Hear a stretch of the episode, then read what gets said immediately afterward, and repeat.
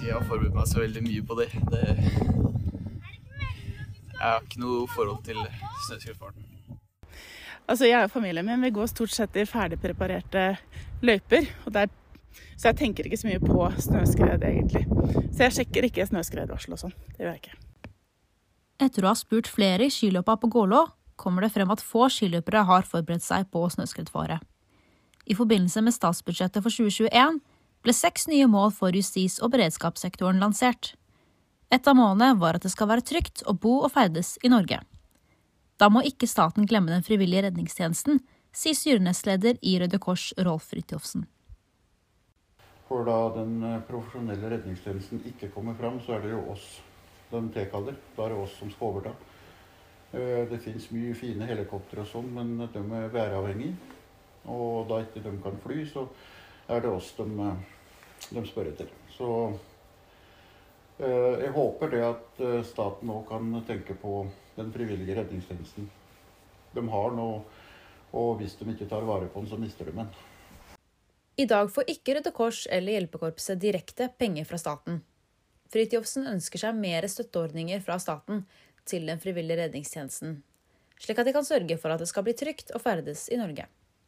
Jeg ser for meg at det blir litt, litt mer støtteordninger som hjelpekorpsa og, og den frivillige kan bruke det, det, trengs en del penger for å opprettholde beredskapen rundt omkring. Kunne godt tenkt meg å få litt uh, faste ordninger kan du si, inn på statsbudsjettet.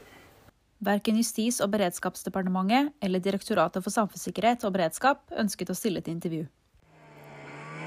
Ved Røde Kors i Sør-Fron står to snøscootere klare til oppdrag. Så langt har det vært én redningsaksjon i vinterferien, forteller styrenestleder i Røde Kors Sør-Fron, Rolf Fridtjofsen. Nei, vinterferien så langt har det vært veldig stilt. Det har hatt litt varekjøring og, og hjulpet ambulansen på ett oppdrag. Men uh, utover det så, så har det vært stilt. Inne i Røde Kors sine lokaler står kaffen og koker. Her sitter mannskapet klare til å rykke ut i redningsaksjon. Men man vet aldri. Det er derfor vi er oppe her at uh, er det noen som trenger oss, så, så er vi på pletten med en gang. Det er krevende skredforhold i hele landet, og Norges vassdrags- og energidirektorat oppfordrer alle til å unngå skredterreng i vinterferien. Fridtjofsen ber også folk holde seg unna områder med skredfare.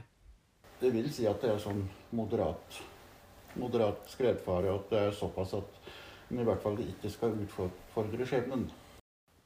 Pga. utreiseforbud tar mange til fjellet i vinterferien. Fridtjofsen sier det er viktig at folk forbereder seg på uvær i fjellet her på fjellet så kan det være solskinn det ene øyeblikket, og så kan det være tett skodde og vind og snødrev. Så eh, sjøl om de skal gå en kort tur, så må de forberede seg på at de kan møte uvær. At eh, her på Gåla hadde vi et eksempel i går. Så var det tett skodde akkurat rundt oss. Og så hvis du gikk en kilometer utover, så var det blå himmel og sol. På Gålå håper arbeiderne i Røde Kors at også de får nyte sola litt i vinterferien.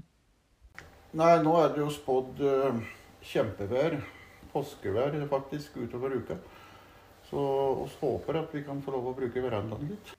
Mens kaffen har kokt ferdig inne i Røde Kors-huset, har været nok en gang endret seg.